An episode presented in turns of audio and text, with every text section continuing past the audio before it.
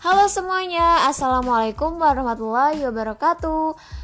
Selamat pagi, selamat siang, selamat sore, selamat malam Bagi pendengar menetap podcast. Selamat datang di podcast aku, asik. Nah, jadi podcast kali ini tuh beda dengan podcast-podcast aku sebelumnya Yang relatif pendek Dan insya Allah aku akan perpanjang sedikit uh, durasinya Supaya lebih, ah mantap Oh ya, BTW, podcast ini adalah sarana belajar aku ya kawan-kawan. Jadi apabila nanti ada dalam penyampaiannya atau dalam sharing-sharingnya ada yang salah Tolong dikoreksi, kita sama-sama belajar ya. Nah, di podcast kali ini uh, eh, gue mau uh, ngebahas tentang informasi. Kalau kalian followers followersnya Hawariun atau Naim mungkin sudah sering dengan uh, ceramah beliau tentang informasi. Nah, karena Evi terinspirasi dari ceramah-ceramah beliau, makanya Evi uh, ingin share lagi di menetap podcast Evi ini. Jadi selamat mendengarkan. Kalau kita ngomongin tentang informasi, sumber informasi itu dari mana aja sih kawan-kawan?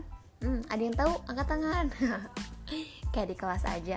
Nah, jadi sumber informasi itu ya bisa dari sosial media, terus bisa dari film yang kita tonton. Terus apa yang kita dengar misalnya musik atau podcast yang Evi sharing ini adalah bentuk dari informasi. Terus teman. Teman itu uh, pemberi informasi yang sangat sangat mempengaruhi juga sih.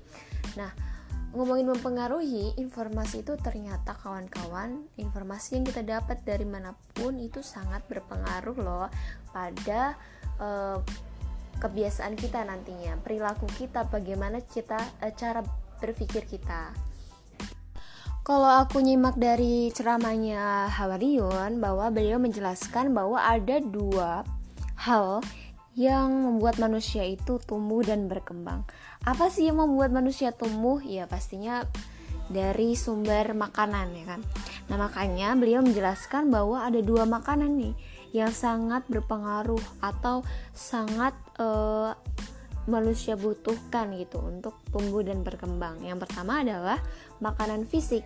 Makanan makanan yang masuk ke mulut kita turun ke tenggorokan dicerna oleh perut itu adalah makanan fisik bentukannya seperti apa ya seperti nasi tempe tahu sayur-sayuran daging gitu buah-buahan nah itu adalah makanan fisik Terus uh, apa makanan non fisik itu?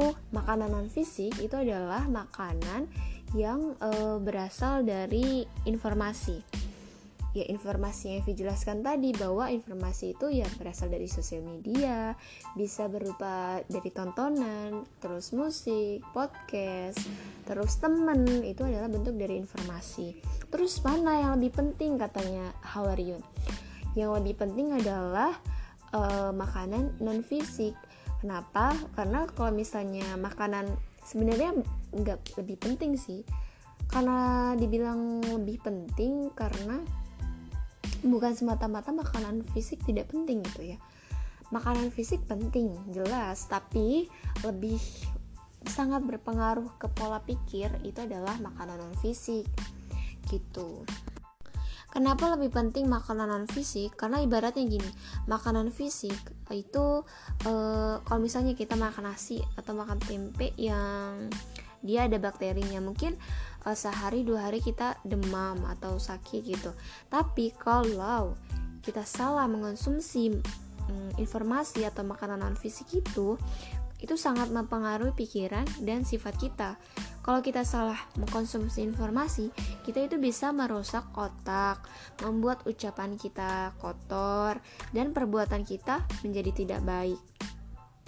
Karena e, menurut menurut beliau bahwa informasi itu akan merubah pola pikir dan kalau sudah membentuk pola pikir akan membentuk keyakinan kalau sudah me meyakini dengan sesuatu hal pasti kita akan dilanjutkan dengan tindakan. Dan apabila tindakan itu dilakukan secara terus-menerus setiap hari dilakukan itu akan menjadi habits. Dan habits akan menjadi kepribadian kita. Wah jadi informasi itu pengaruhnya tuh sangat luar biasa loh. Sangat-sangat kompleks gitu. Kalau kata Fuad Naim kenapa kita takut dengan dengan hantu atau dengan pocong atau kuntilanak dan sebagainya. Karena dari kecil nih kita itu sudah diberikan informasi-informasi e, di film gitu bahwa hal-hal seperti itu sangat menakutkan. Jadi e, yang membuat kita itu takut terhadap suatu hal ya karena kita mendapatkan informasi bahwa Eh, film-film uh, seperti itu atau hantu-hantu seperti itu tuh sangat menakutkan. Makanya mindset kita tuh jadi takut kalau ngeliat hantu. Apalagi zaman sekarang sosial media sosial media itu kayaknya setiap orang punya sosial media deh. Bahkan nggak um, bahkan punya akun sosial media lebih dari satu ya misalnya satu Facebook, ada YouTube, ada Instagram, ada Twitter, apa ada lagi ada TikTok, ada apa lagi XPM. Kan banyak ya. Nah, itu tuh sangat mempengaruhi kita pada saat ini. Bahkan eh, kita itu kadang-kadang kecanduan gitu terhadap suatu eh, platform-platform platform-platform yang ada saat ini. Uh, di podcastnya Hawarian itu, Hawariun itu beliau mengajak nih kita sama-sama untuk uh, yuk satu hari deh kita dapetin informasi yang bermanfaat nggak hanya yang nggak bermanfaat aja. Jadi minimal satu hari itu dapat satu aja yang bermanfaat. Contohnya kita bisa mendengarkan ceramah-ceramah atau hal-hal yang baik lah untuk untuk pribadi kita untuk kita supaya dekat dengan Allah pastinya kan?